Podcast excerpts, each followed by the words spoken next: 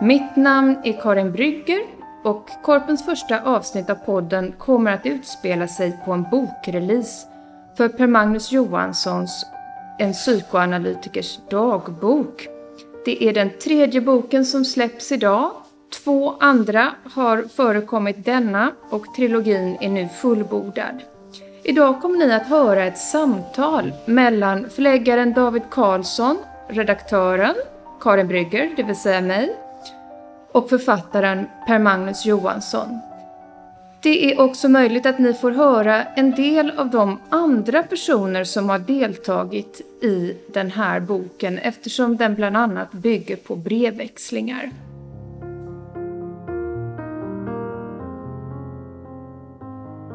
Ja, det känns ju nästan lite högtidligt och lite andäktigt måste jag säga. Eh, jag heter David Karlsson och är förläggare i Bokförlaget Korpen tillsammans med, med Karin Brygger som ni ska få höra mer om alldeles strax, eller mer av. Och Korpen är ju väldigt stolt över att då idag få presentera den tredje delen av Per Magnus Johanssons En psykoanalytikers dagbok. Corona, en psykoanalytikers dagbok. Eh, jag ska bara läsa, inte ens första meningen, utan början av första meningen i det förord till den här boken som Karin och jag har skrivit. Det verkar på en gång länge sedan och alldeles nyss som vi frågade Per Magnus Och så känns det ju, för det här är den första tillfället som Korpen gör någonting och som kanske många av er överhuvudtaget samlas efter de här konstiga ett och ett halvt åren. Men Magnus var ju väldigt snabb med att i mars förra året, när det här kom och vi inte visste vad det var och vart det skulle ta vägen, och sätta ord på detta. Och då var vi, som tur var, snabba nog och säga till Magnus att det här är för bra för att bara fladdra förbi de sociala medierna. Vi gör det nog. Och nu står vi här med då del tre i den här på, eller fortlöpande dagboksskrivandet som jag tror har hjälpt oss, hjälpt mig i alla fall, att ta oss igenom den här jävla pandemin. Så vi är väldigt glada för det Magnus. Och vi är väldigt glada att Korpen har fått publicera de här tre böckerna varav den tredje då ska vara föremål för ett samtal i eftermiddag.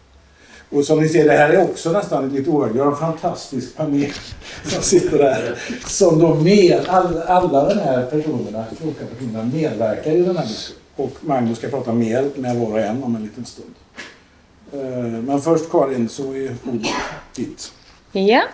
Eh, ja, jag kan bara instämma med David och säga att det känns ovant och fantastiskt att, att vara i ett rum tillsammans med andra människor igen. Uh, och vi är ju jätteglada att få fira den här boken. Uh, jag tänker faktiskt upprepa det som, som David läste och lite mer ur det här förordet. Det verkar på en gång länge sedan och alldeles nyss som vi frågade Per Magnus Johansson om han ville låta oss i bokform ge ut de texter om coronapandemin han just börjat publicera i sociala medier. Han började med det i mars 2020 när WHO deklarerat att pandemin var ett faktum.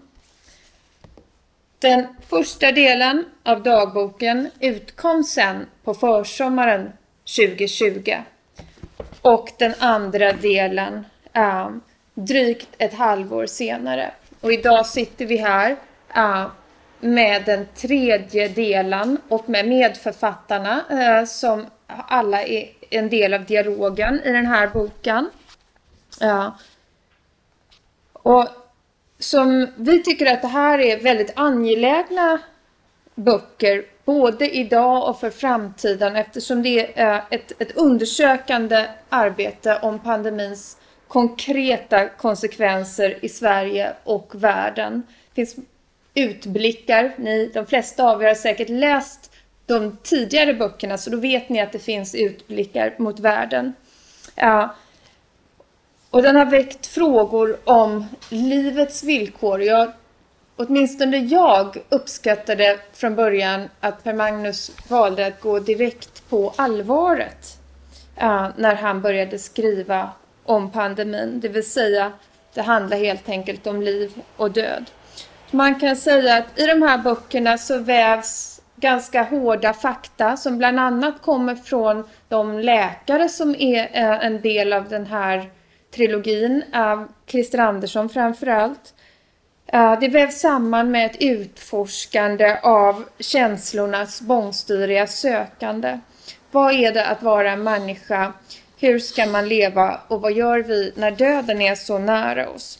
Och Per Magnus ställer ju inte alltid de här frågorna rätt ut i de här, men man kan om man ska sammanfatta den här litterära gärningen är det till syvende och sist de här grundläggande frågorna om vår existens som är fonden för alla de samtal och intervjuer och även de egna reflektionerna som naturligtvis är det som tar störst plats i de här eh, tre böckerna. Det är det som de här dagböckerna består av.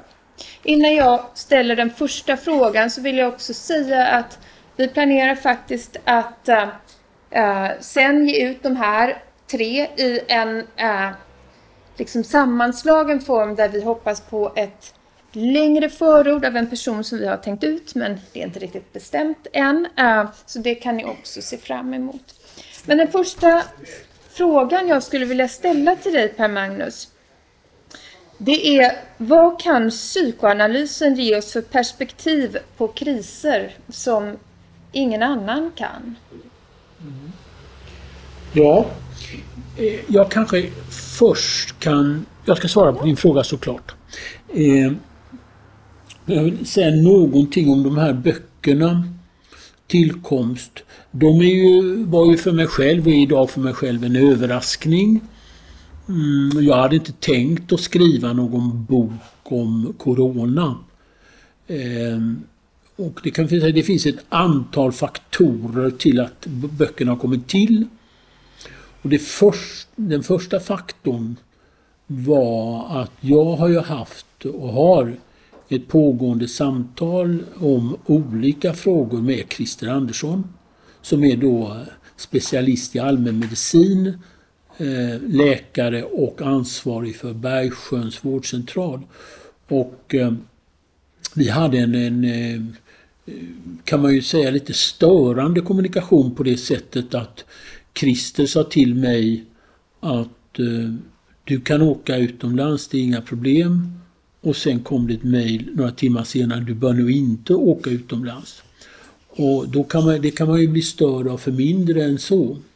Och då började jag skriva. Och det var den störningen där som ledde till att jag skrev. Och då var det liksom inte tänkt att det skulle bli någonting speciellt mer än att mm, numera eh, sköts ju en Facebook-sida och en hemsida utav Louise Bergman. Och jag skickade den här, hon lade ut den här texten och det blev liksom mycket mer människor. Jag är inte sådär initierad i, i den världen men det var över 6000 personer som tog del av den där texten. Och det tyckte jag var väldigt mycket. Man är ju van vid hur mycket böcker säljer. Och eh, då att plötsligt det var så många som var berörda utav det som skrevs. Och det ledde till att jag blev motiverad Eh, att fortsätta att skriva. Och sedan det faktum att Korpen, inte minst, Karin eh, Brygger som sitter här jämte mig, eh, blev intresserad och David Karlsson som jag ju känner sedan mycket länge. Eh, vi var en gång doktorander tillsammans i ämnet idé och och eh, har talat med varandra under många år. Och, Eh, när de två blev intresserade av det eh, och, och, så fick jag också ett annat förslag från ett annat förlag. Men för mig var det alldeles självklart att välja eh, Korpen. Mm, dels på grund av det som eh, Karin skrev och Karins sätt att förbinda sig till texterna och att den form av valfrändskap fanns närvarande mellan eh, mig och David. Så kan man säga. Så, så, så kom böckerna till. Och sedan har ju alltså den här pandemin har påverkat ett helt samhälle. Folk har varit helt upptagna av frågeställningen. Jag har varit upptagen av frågeställningen. Och så, så kände jag liksom alltså, som jag upplevde psykologiskt var relativt tillfredsställande, eller till och med mycket tillfredsställande, att jag var placerad på en plats där jag inte visste. Ibland blir jag ju tillfrågad om saker som har med psykoanalys, teori och praktik och historia. Och det har jag ägnat ett helt liv eh, åt och det skulle vara lite förmätet att påstå att jag inte känner till psykoanalys. Det, det, det vore att placera mig fel. Men här kom jag plötsligt in på en situation där jag inte kände till. Jag saknade så oändligt mycket kunskap och visste ingenting och blev placerad som en frågande person som vill ha reda på mer. Och då eh, gav mig då ju principiellt Christer eh, eftersom det var ett, ett samtal som fanns där eh, riktade jag mig upprepade gånger till honom. Och sedan parallellt med det ville jag ta del av andra personer som jag antingen kände eller inte kände eller fick förmedlat till mig. Och hur där de eh, personer som är här, eh, mm, det vill säga eh, Håkan Liljeland som är psykolog och intresserad av fransk historia och kultur eh, och hade en erfarenhet av en italiensk läkare. Eh, Martin Nyström, Martin som är här, som ju för mig var väldigt viktig. Jag tänkte idag när jag tänkte på Martin när jag cyklade hit, tänkte jag Martin har lärt mig ett nytt ord som jag inte kunde tidigare. Och det var ordet gryning. Och det, har, eh, det var okänt det ordet. Men via kontakten med Martin så fick det plötsligt någon form av betydelse som det inte hade tidigare. Lydia Sandgren eh, som har gjort denna pyramidala succé i sitt författarskap eh, och som var psykolog vill jag väldigt gärna, kände jag någon väldigt stark lust att höra vad Lydia hade att säga som författare och den position hon har. Marit och jag Kapla som jag har jobbat med lite. Vi har jobbat ihop i lite olika sammanhang. Hon var ju med på en bokrelease på, eh, uppe på Park Avenue när Sven-Erik och jag eh, hade skrivit, Lidman hade skrivit en bok.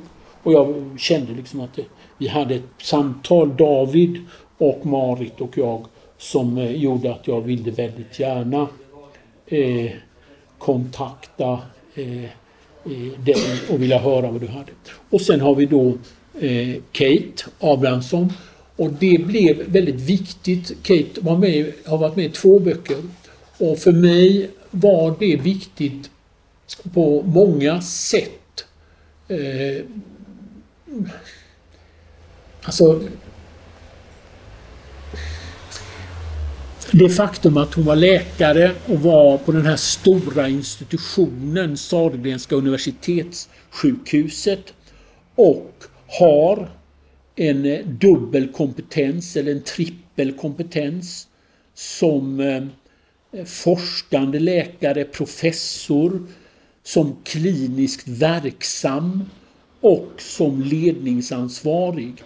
Allt det där tillsammans gjorde att det blev väldigt angeläget för mig att också eh, höra Kates tankar, också knuten till att hon är ansvarig för en barnkirurgisk verksamhet där barn finns med. Och jag försökte väl i det här arbetet att omspänna så många aspekter som möjligt kring pandemin. Och därför så så till exempel i den här boken eh, så blir den också ganska viktig på något sätt att SVT kontaktade med Kulturnyheterna och, och ville göra något så jag var uppe på Stadsbiblioteket i Stockholm och gjorde en liten grej där med en journalist. Och ehm, som, som ja, det blev också någon form utav Eh, kontakt med den världen. Hon för övrigt kontaktade mig igår och eh, hade sett att Corona den här boken, den tredje delen hade kommit. Hon var glad över att hon var med där. Det är en ung journalist. Ja, det var en, liksom, jag vill ha sagt det här. För det här är precis så som det är. Det är varken mer eller mindre. Det är så det har gått till. Vi kanske ska inflika också att, att böckerna faktiskt har blivit sålda till eh, läkarutbildningen. Uh, ja. Vilket jag tycker... Ja. Uh, jag tycker att alla aspekterna, de litterära och kulturella, uh, alltså inblicken i hur det, kulturlivet eller hur författare hanterar det här är otroligt viktigt eftersom det visar så att säga, på att världen finns kvar även om det har varit så centrerat kring sjukdomen. Men jag tycker även att de här, äh, inte minst eh, vet jag att min son läste av Kate Abrahamssons text och tyckte att nu får vi skriva till regeringen. Äh, därför att han kände sig liksom upprörd. Men jag tycker att det är intressant att de också har blivit en del av, av läkarvetenskapen, alltså det vill säga samtalet är inte bara mellan dig och de här specifika läkarna utan det kommer, kommer tillbaka till eh, läkarutbildningen. Eh, men ska vi kanske ändå återvända till den här, för jag, jättebra och stort tack för eh, introduktionen till alla medverkande. Um, vad, vad Alltså, när jag ställer den här frågan vad psykoanalysen kan ge oss för perspektiv på kriser som ingen annan kan så tror jag att för mig uh, så var det så att just dina texter ändå öppnade sig mot någonting som inte bara var uh, siffror. Eh, man blir otroligt upptagen av de här diagrammen och worldometer och, och, um, och det blir nästan som att det döljer ens, ens eh, riktiga känslor. Va? Man, man, blir liksom, man måste kolla hur många som har dött idag och hur många har dött där idag och vad gör de? Och, um, så, så, min fråga utgår lite grann från den här uh, känslan att du ändå visade att det fanns mer än Worldometer. Eh, en sak som jag inte nämnde där, alltså, det här ledde ju också till att en, en, eh, en kollega till mig Erik Porsch, som är läkare, psykiatriker, psykoanalytiker och författare kontaktade mig och bad mig skriva en text på franska om den situationen i Sverige som publicerades i en tidskrift som heter Essin. Och för att knyta då an till din första fråga Karin, alltså, och som också handlar om siffror, för jag talade om siffror i den Le Chiffre i den texten. Alltså, jag, jag tror att eh,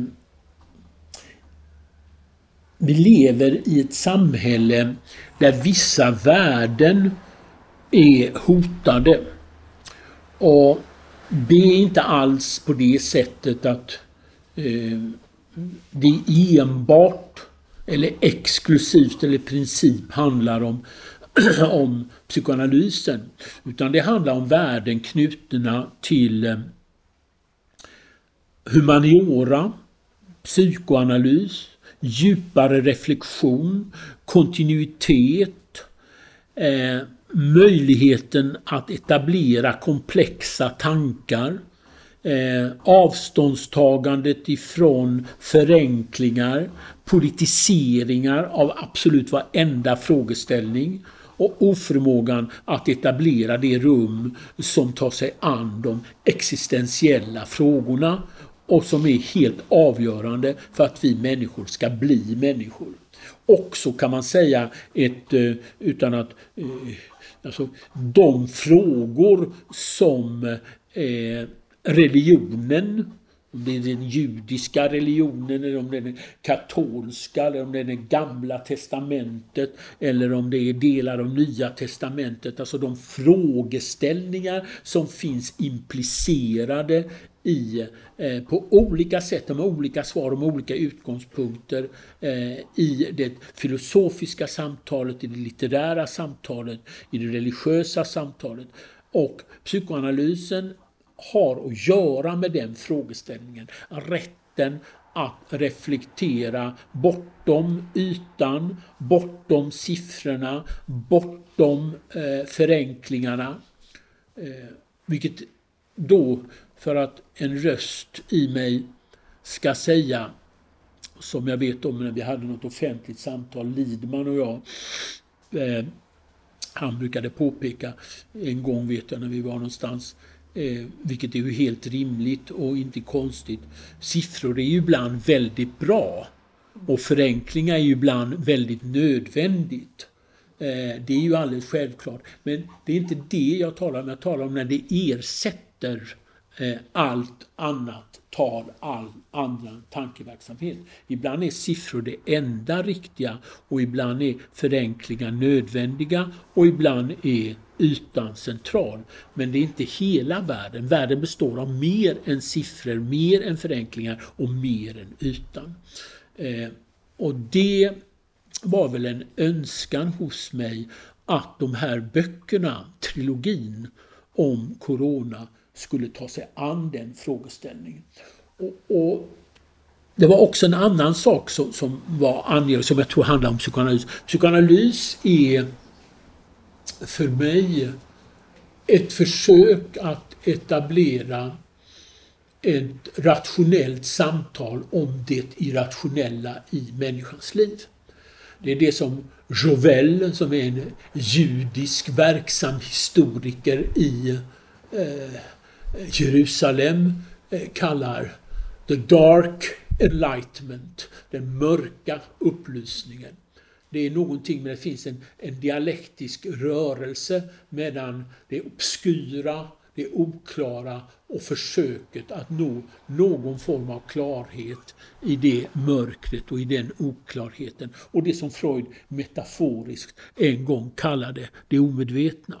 Och som eh, har funnits närvarande som en person som Henri F. Ellenberger har visat eh, sedan Leibniz, det vill säga i början av sex, i slutet av 1500-talet, början av 1600-talet, så finns The Unconscious.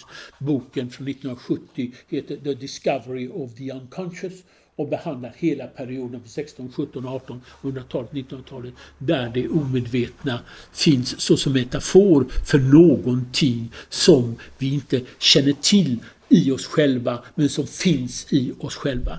Och det tror jag, det handlar psykoanalys, att få något tillträde till att bli lyssnad i förhållande till detta eh, som är drabbande, som är problematiskt, som är berörande och som ibland är skrämmande. Och pandemin var och är av naturliga skäl, i synnerhet innan vaccinets tillkomst, en mycket skrämmande upplevelse. Och då vill jag tala om den på något annat sätt och låta människor tala om den på något annat sätt än det som hade eh, massmedialt eh, eh företräde och det som dominerade i de massmediala situationerna.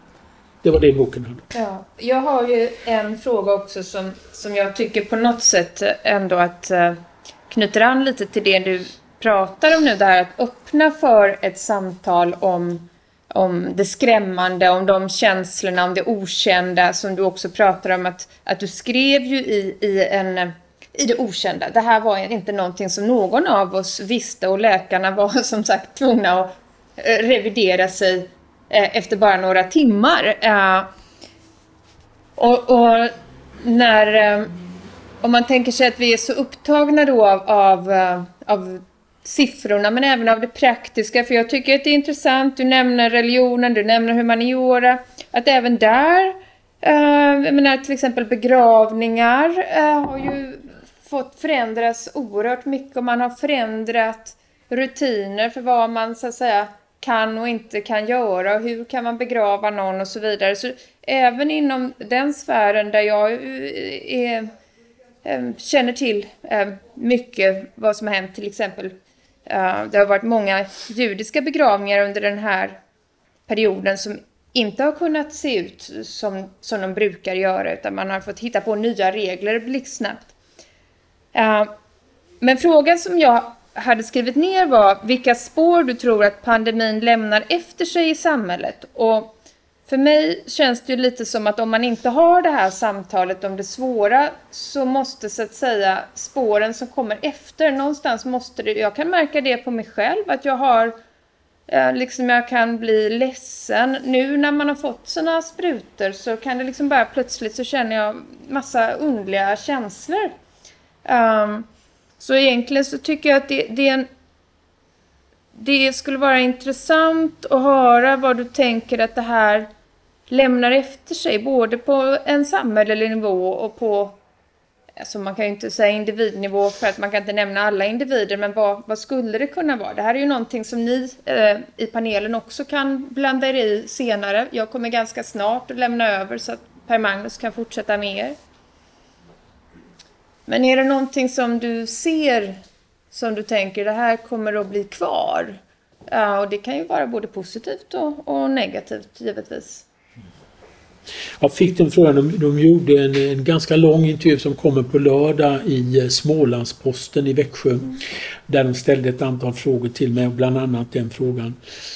Och det är klart att det finns en fundamental skillnad mellan de som har blivit direkt drabbade knuten till döden och de som har eh, klarat sig på det sättet att de inte har direkta dödserfarenheter.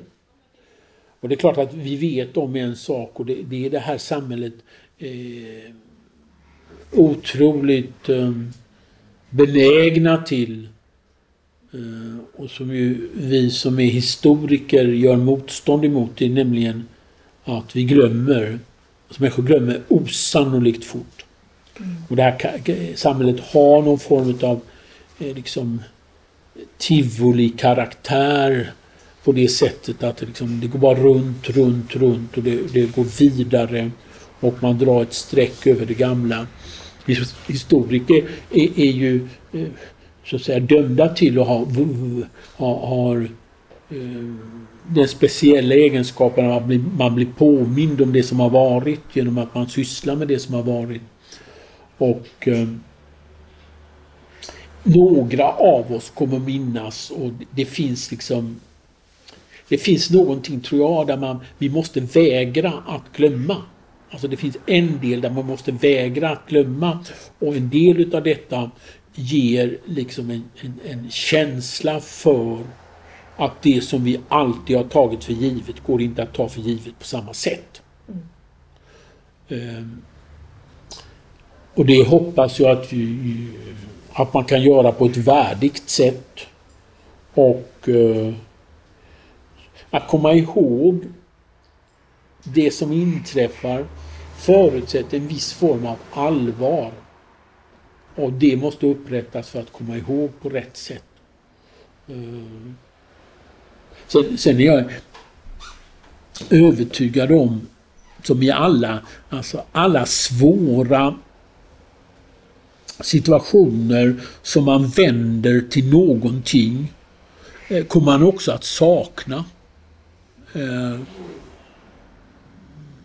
Förutsättningar för de här tre böckerna var ju att pandemin fanns. Utan pandemin hade de här böckerna inte funnits.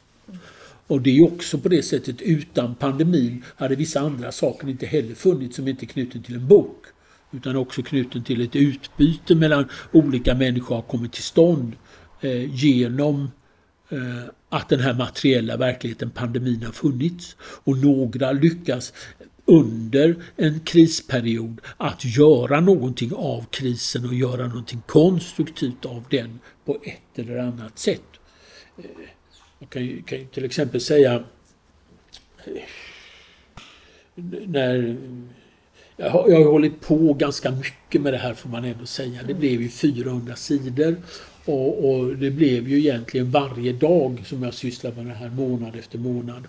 Och en sak som ju det här ledde till, nu, nu håller jag på med någonting annat och det, det är väl inte så dumt, eh, höll jag på att säga. Jag skriver en text på franska för tillfället, två texter på franska som som sysslar med andra frågor och det är väl bra. Men i en period eh, så kände jag ibland visst eh, samvetskval i förhållande till Christer Andersson Eh, därför jag eh, liksom förföljde honom med frågor. Och sen responderade han på ett så sympatiskt och intelligent och trivsamt sätt så att samvetskvalen upphörde. Eh, och det var ju baserat på att och det, det, blir ju inte samma sak, då får vi ha ett nytt projekt med samma grad av intensitet i sig för att den här eh, kommunikationen ska eh, Ehm, få den formen. Det kan man ju också säga, en annan person är här som inte är nämnd som är Johan Stålberg eh, som är psykolog och som jobbar på Bergsjöns vårdcentral. Han har ju varit med och diskuterat de här texterna på olika sätt i skriftlig form. Ehm, och det är samma sak alltså när man har ett sådant projekt. Det är samma sak som vi vet om när man skriver en avhandling, åtminstone om det är en, en stor avhandling. En, eh, jag skrev ju själv en ganska lång avhandling på 752 sidor. Och när man gör det eh, så är det ju en oerhörd intensitet i slutet av ett sådant avhandlingsarbete. Det är ju stolligt mycket Eh, som man är engagerad i och en stollig form av intensitet. Och den här krisen har ju också lett till eh, liksom eh, möjligheten att vara så engagerad i någonting. Och, och, Det är inte så lätt att leva i tomrum utan engagemang. Och eh, i vissa avseenden har ju ett visst engagemang faktiskt varit möjligt och höra, höra eh, olika tankar. Jag vet om när jag skrev till dig Marit så, så hörde jag liksom att det hände någonting mellan oss i det där samtalet. Och jag, liksom, jag vet om att du skrev ett brev till mig, det var nästan som en psykoterapi. Mm. Och, och eh, eh, jag kände liksom att vi plötsligt blev någonting väldigt angeläget i det där samtalet. Det var viktiga saker du skrev för mig. Så det är också, tror jag, alltså det finns en, en eh, form av eh, engagemang som det här möjliggör också och livet blir också angeläget. Och det tror jag att det finns en saknad i förhållande också till det. Det tror jag. Ja, den här intensiteten kan jag verkligen känna igen. För 2020 så gjorde jag extremt mycket saker i någon slags eh, brådska. Eh, som, som jag ändå kände uppstod. Det är bäst att jag gör allt det här nu. Ja, och jag måste hinna med det. Och man vet inte vad som händer sen. Och jag vet faktiskt att den dagen som pandemin började så kom min mamma och cyklade hem till mig så ställde hon sig i dörren och så sa hon Ja, testamentet det ligger där och där. Uh, jag tycker att du ska göra så här och så här. Uh, och uh, på de här ställena kan du hitta koderna så att du kommer in till alla mina eh, bankkonton och alla andra viktiga saker. Bra, bra. Eh, jag cyklar till landet nu, får vi se vad som händer sen. Och det var det. Eh, och det är också en slags eh, beredskapsintensitet. Eh, eh, jag tänker så här att jag hade också en fråga som handlade om vad det hade betytt för dig personligen att skriva om pandemin under så här lång tid, men den har nästan blivit besvarad. Så att jag tycker att jag ska lämna över till dig och till de medverkande. Det kommer att bli ett litet raspigt ljud här när jag pillar loss den här mikrofonen. Och så gör jag, ska vi se så den smälten funkar. Sådär. Så säger jag tack för mig och så varsågod till panelen. Hörs det bra? Det är bra? Ja. Utmärkt. Jag, jag, jag tänkte att jag, jag skulle kunna fråga ungefär samma sak eh, till er allihopa. Jag har ju sagt saker till er som är så att mm, jag kanske kan mm, Christer blir lite, lite speciellt att fråga för jag kan, jag kan inte säga så här, vad tänkte du enbart när, du, när jag kontaktade dig? För det har jag gjort hela tiden. Så det, det blir ju liksom fel fråga. Men, men ni andra eh, Martin är också någonting speciellt. att Martin och jag hade ju liksom ett, har haft ett samtal på något vis om det här som har överskridit frågan om, om, om covid.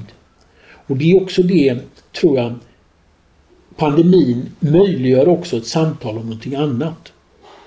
Och det, det har varit en entré till att tala om någonting. Men och det är ju det som de här böckerna handlar om. Men kanske man kan göra så. Kan inte ni säga någonting vad ni har tänkt eh, om att vara med i böckerna och, och, och mm, delta på det sätt som ni är med i dem som ju alla som jag nyss har sagt har varit väldigt betydelsefulla. Och kanske vi tar den så här, Vi börjar med dig Håkan. Jag, eh, jag skrev inte om någonting som jag tänkte efteråt eh, kanske visar sig vara viktigare och viktigare. Eh, jag jobbar ju på en börsmottagning och skrev om hur, eh, hur vi hanterade smittan där i princip. Eh, men jag nämnde ingenting om barnens rädsla. Och det har väl dykt upp mer nu att de har varit ganska rädda. Vi har inte talat om det på BUP. Föräldrarna har inte talat om den rädslan under pandemin. Utan den dyker upp nu. Eh, när vi har slutat vara rädda kan vi säga. I alla fall vi är alla dubbelvaccinerade och föräldrarna är ofta dubbelvaccinerade och liksom det har släppt lite. Det tänkte jag på efter texten. Mm. Att det var ju symptomatiskt att inte nämna den. För de har varit ganska rädda för sin mamma och pappa, många. Eh, ja. Mm. det var väl det. Bra.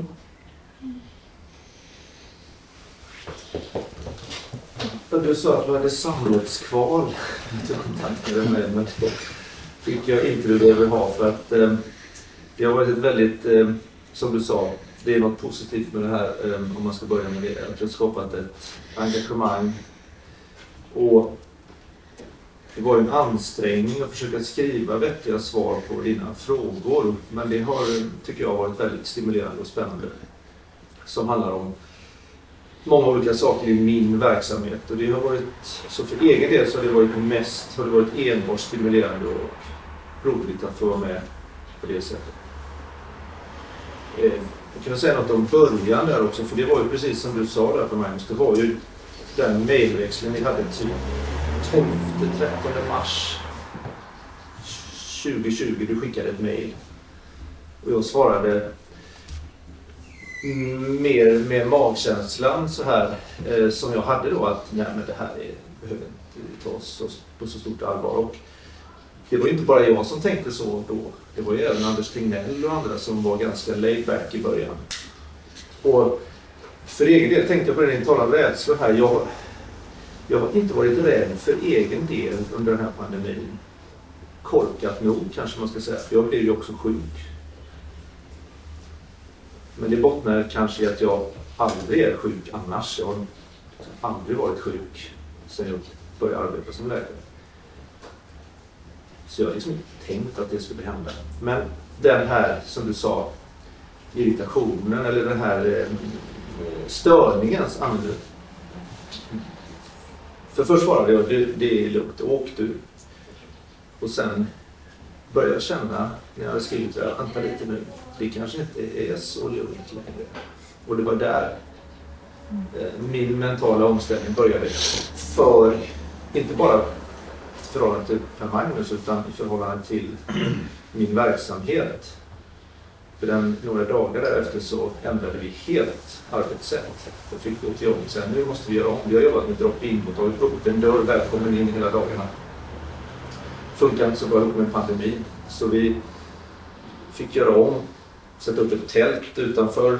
Så började vi med vakter. Men vakterna i det här fallet var läkare. För vi, min tanke var också att vi ska fortsätta att ta hand om våra patienter som kommer, även de med infektionssjukdom. Många verksamheter stängde ju ner mycket mer som ni vet. Eh, olika typer av öppenvårdsverksamheter även inom somatisk sjukvård som i stort sett har låst dörren och ännu inte öppnat den. Märkligt nog tycker jag. Jag vill inte att vi ska göra så. Ja, det var lite kort om min medverkan. Ja, det, jag tänker på massa olika saker nu. Men eh, ja, jag skrev till dig Maja, så att, eh, att svara på de här frågorna eh, på mejl, det var ju som en slags terapisession. Det är lite som en blandning mellan att skriva dagbok och brev och svara på, och, och vara med och bli intervjuad. Det var en en, jag tyckte det var en givande form. Ehm, och eh, jag har ju pratat väldigt mycket om pandemin, hela pandemin. Det har ju säkert alla ni gjort också. Men jag har inte skrivit så mycket om den. Och det är när man skriver tycker jag som man tänker. Och ehm, då, då fick jag liksom formulera mig runt det här att eh, vi har behövt leva med ovisshet. Och, eller jag funkar så här att okej, okay, allting är ovisst, då bestämmer man sig för en strategi och sen ja, så följer man den och då har man på något sätt eliminerat ovissheten temporärt. Men den här ovissheten kommer hela tiden att knacka på igen. Och det, det som jag tycker är lite jobbigt nu är att jag har ju också två vaccinsprutor sedan länge. Men det är ändå som att um, man kan inte, det är som att eh, i vissa stunder känns det som att det spelar ingen roll. Alltså, att eh, reglerna är kvar, eh, ovissheten är kvar. Fortfarande, eh, för några veckor sedan fick jag min första förkylning på ett och ett halvt år. För det har ju det här fått med sig att eh, jag har varit otroligt frisk under ett och ett halvt år eftersom man inte har eh, kommit i kontakt med så nära andra människor alls. Men då blev jag förkyld. Men, och då var jag ju dubbelvaccinerad men då har jag ju förstås läst att eh, man kan ändå få corona. Alltså då, då, ja, då fick jag ju gå och testa mig då. Det var inte corona, men, eh, eller covid-19. Men eh, den är kvar, den här ovissheten. Och så man måste hela tiden eh, deala med den. Eh, och, eh, det var jätteskönt och bra att få skriva eh, till dig om det. Och eh, egentligen, eh, ja man borde egentligen fortsätta skriva om det. För det, jag känner att allt det här är kvar fortfarande helt enkelt. Ja, jag satt och tänkte på vad det gjorde med mig att svara på de där frågorna, hur det var. Och just det här att behöva formulera sig kring någonting som jag egentligen inte riktigt ville ta i, tror jag att jag erfor. Um, och liksom att tvinga sig att tänka kring något som ändå är svårt att tänka kring. Och för min del så handlade det om att jag på något märkligt paradoxalt vis inte kände mig så fruktansvärt eh, berörd av det som pågick runt omkring. Vilket var jobbigt att ställas inför eftersom det ju berör oss alla och samhället på ett fundamentalt plan. Men för mig personligen så pågick det så väldigt mycket annat i livet. Att det var som att det här eh, liksom enorma liksom, vågen som svepte fram över eh, samhället var ett slags brus i bakgrunden för mig. Och mm, jag hade, min bok Samlade verk kom precis samtidigt som Sverige stängde ner och som pandemin blev en realitet. Alltså typ samma vecka. Och eh, det var en väldigt, väldigt omtumlande eh, erfarenhet för mig som ju inte är publicerad sedan tidigare och inte har någon erfarenhet av offentligheten och så. Så jag, jag ställdes liksom inför en, en väldigt eh, en personligen väldigt omvälvande eh, situation och livssituation. Samtidigt som det här eh, ovissa och mycket märkliga med pandemin pågick. Så det gick liksom nästan inte att Eh, vara på båda de platserna samtidigt. Eh, både det generella och det samhälleliga och mitt egna personliga lilla liv. Men och, när vi skrev om detta och jag då var också tvungen att formulera mig kring eh, mina erfarenheter av hur pandemin grep in i läsandet och skrivandet och vilket var mest påtagligt för mig faktiskt, eh, min kliniska, mitt kliniska arbete i öppenvårdspsykiatrin eh, så behövde jag liksom ändå få fatt i de här tankarna. Något som, som jag inte riktigt, som jag tyckte var lite jobbigt just för att jag kände mig på något vis lite distanserad. Eh, ja, jag kan säga mer om det men jag lämnar över till dig Tack. Jag blev väldigt glad över det du sa om ordet gryning. Eh, ja, som har blivit ett ord som eh, betyder ganska mycket för oss båda. Och eh, referenser är naturligtvis medelhavskulturen, medelhavsmänniskorna och den betydelse som gryningen har i, i, i den kulturen. Författare som eh, alltså, eh, med Homeros och så vidare. Ingenting kan ju starta i livet utan att man börjar och säger att solen går upp. Där börjar allt skeende hos Homeros till exempel.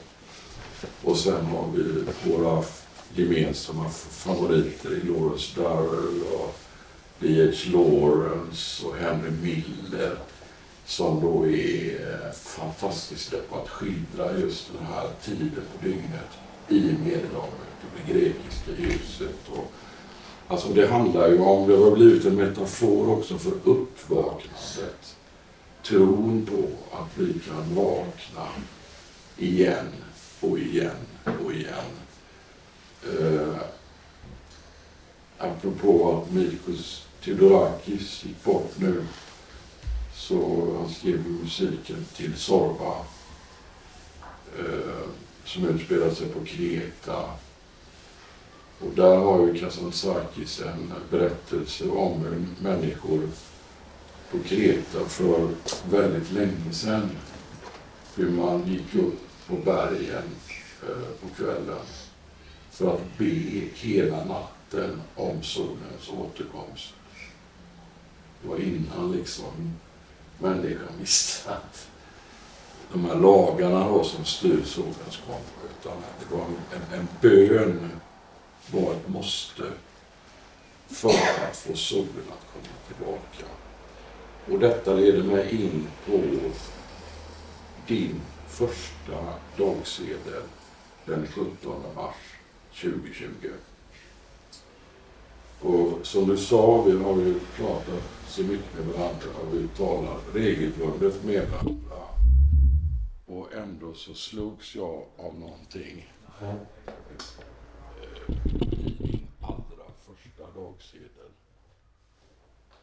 Som fick mig att tänka på två otroliga musiker som jag älskar. Prince och Giuseppe Verdi.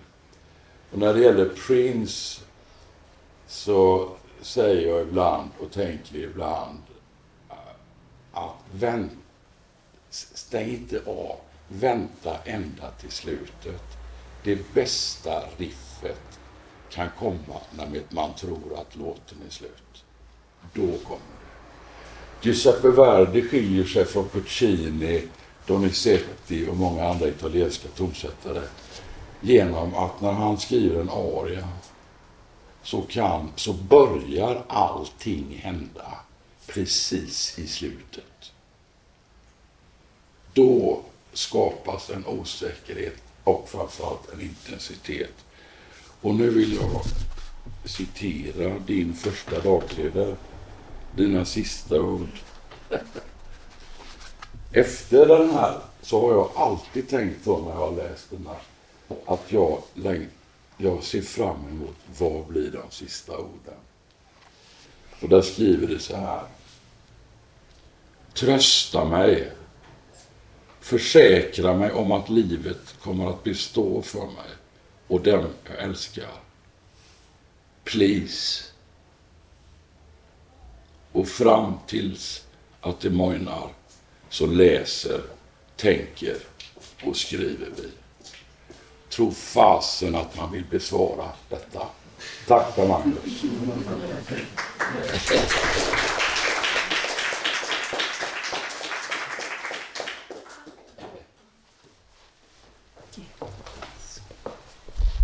Ja, det är inte lätt att beskriva någonting efter Magnus framförande.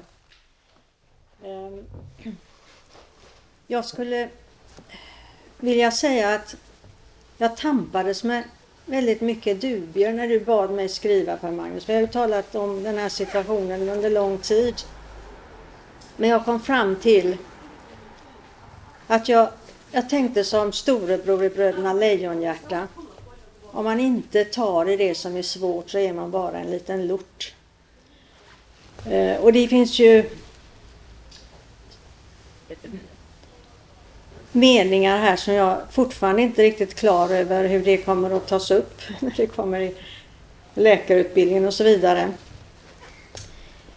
Men jag hoppas att man ska fundera kring vad en kris gör med oss när det gäller att tänka solidariskt. Som företrädare för barnen på sjukhus så har jag ju alltid varit ganska van vid att när man har barnen framför sig och, och talar deras språk och, och försöker att få förståelse för deras behov så har det aldrig varit något problem. Men i den här krisen så var det lite grann av flugornas herrementalitet. Och de hade inget företräde framför de vuxna. Och det är för mig en väldigt skrämmande erfarenhet. Ehm, att man inte kan eh, göra sitt arbete och tillfredsställa de människor som förväntar sig att man ska föra deras talan. Det, var, det är fortfarande svårt. Det är inte så att det är över. Nu har vi alla de barnen som väntar på vård. Eh, de står där och vi ska precis nu börja ta hand om dem så att vår resa har bara börjat. Men eh, man kan förstå eh, hur samhällen blir opersonliga och omänskliga i tider av kris. Och jag tackar för att jag fick möjlighet att eh, sammanfatta mina tankar och eh, hoppas att det kan beröra så att vi alltid måste tänka och göra det som är rätt. Tack. Det finns några saker jag tänker på här. Jag, jag kanske inte behöver den här eller? Nej. Så. Alltså, det finns en sak som jag har upplevt för första gången skulle jag vilja säga eh, med de här böckerna. Och det, det finns vissa sådana här om det är en sak som jag har lärt mig utav min psykoanalytiska erfarenhet så är det att eh, jag är ingen människa som är förtjust i floskler. Det är bättre att säga som det är än att gå upp i tonlägen som inte är sanna. En sån där idé som jag hörde ofta när jag var doktorand det är att eh, skrivarbetet det gör man tillsammans och att man är en grupp och att man är många människor som är beroende av varandra. Och det kan jag säga, det upplevde jag aldrig när jag skrev min avhandling och drog det här lasset kring psykoanalys. Jag upplevde att i den mån jag hade något stöd så var det dels utav tidigare nämnde Sven-Erik Lidman och så var det utav dem jag arbetade med i Paris. Övrigt var det ett ensamt arbete. Punkt slut. Ingen klagan eller det är ingenting som jag är missnöjd med. Men när jag har skrivit de här tre böckerna har jag för första gången upplevt hur mycket jag har varit beroende av andra och hur mycket jag har samarbetat med andra och hur den här skrivprocessen aldrig hade kommit till stånd om inte jag hade blivit bemött av så känsliga, lojala och intelligenta människor. Det har varit en form av grupparbete och det är ju ni som sitter där, en, två, tre, fyra, fem, sex stycken personer har varit helt avgörande och ni som sitter där har också varit helt avgörande. Och ni som sitter där har också varit helt avgörande. Och Eh, min familj är alltid närvarande. Det har varit många människor, och människor i Paris har varit närvarande. Det var viktigt att Erik Porsche tog kontakt med mig. Det var viktigt att jag haft samtal med Elisabeth Rudinesco. Alltså det har varit en process där väldigt många människor har varit involverade. Eh, och det ställer jag i kontrast till de här långa, tunga, tjocka böckerna om psykoanalysens historia. Eh, strax över 2000 sidor. Eh, och eh, väldigt lite grupparbete om man så säger. Eh, utan det har varit annan bruk i Baljan Boys. Eh, och det här har varit en väldigt ny erfarenhet, väldigt meningsfull erfarenhet och väldigt roligt att ta del utav. Och som också har möjliggjort samtal eh, och skrivsvar. De här böckerna hade aldrig kommit till om jag inte hade fått den form av gensvar eh, som jag fick. Både på, på, på Facebook men egentligen ännu viktigare det konkreta utbytet med er, med er och eh, med eh, det som drev fram den här processen. Och det har varit en, en eh, det låter ju nästan som en form av eh, eh flört med någon form av vänsterparadigm. Men det ska inte uppfattas på det sättet heller. Utan det ska bara uppfattas som att jag talar sanning. Det har varit precis på det här sättet. Helt oberoende av politisk inriktning. Utan det har varit en form av eh, arbetsgemenskap som har skapats via skrivandet. Och det har varit eh, väldigt, eh, väldigt, roligt. väldigt roligt. Väldigt roligt. Eh, det kanske man skulle kunna säga är en av de sakerna som när jag frågade vilka spår du har lämnat till samhället och hur det har påverkat dig personligen så kan man nästan säga att här, här smälter de två samman för att du visar att det finns en öppning för nya typer av både nya typer av personliga erfarenheter och också nya samarbeten. Uh, det vill säga ut ur det här som jag tror för de flesta har varit uh, på olika sätt mer eller mindre både hemskt och omskakande så kan man se att och det tycker jag själv är väldigt roligt med att se böckerna, att de här böckerna har kommit till, alltså under den här perioden. Det har hänt någonting positivt, det lämnas någonting, ett positivt spår uh, som inte heller, när man läser dem, det positiva är att de finns uh, och, och det som står i dem men det som står i dem, det, det väjer inte för det svåra. Um, det, tror... det, finns en annan sak man tänkte säga som också är ett sån här floskel som jag tycker väldigt illa om och som ju finns på universitetet. Och det är att man ska arbeta, som de säger på universitetet, tvärvetenskapligt. Och det blir liksom ett tomt ord rakt ut i luften. Men här kan man säga, det är precis det som jag har gjort. Och de här böckerna hade aldrig varit möjliga utan den medicinska närvaron. Det är inte så att, liksom att jag har sökt dem för att nu ska jag vara tvärvetenskaplig. Utan det har varit så att de har varit helt nödvändiga för att det ska bli någonting. Den, här, den frånvarande Bertil Andersson som, var ju, som är anestesiläkare har också varit en person som har varit med i det här skrivarbetet. En annan person som jag nu tänker också på som är här, nämligen Astrid från Rosen. Astrid var ju med i en av de tidigare böckerna kring konstvetenskap och där ju också vi fick ett perspektiv på Berlin via Astrids dotter eh, Sally från Rosen. Och det var också någonting som var värdefullt det, det, har varit liksom en, en process där utbytet har stimulerats på olika sätt.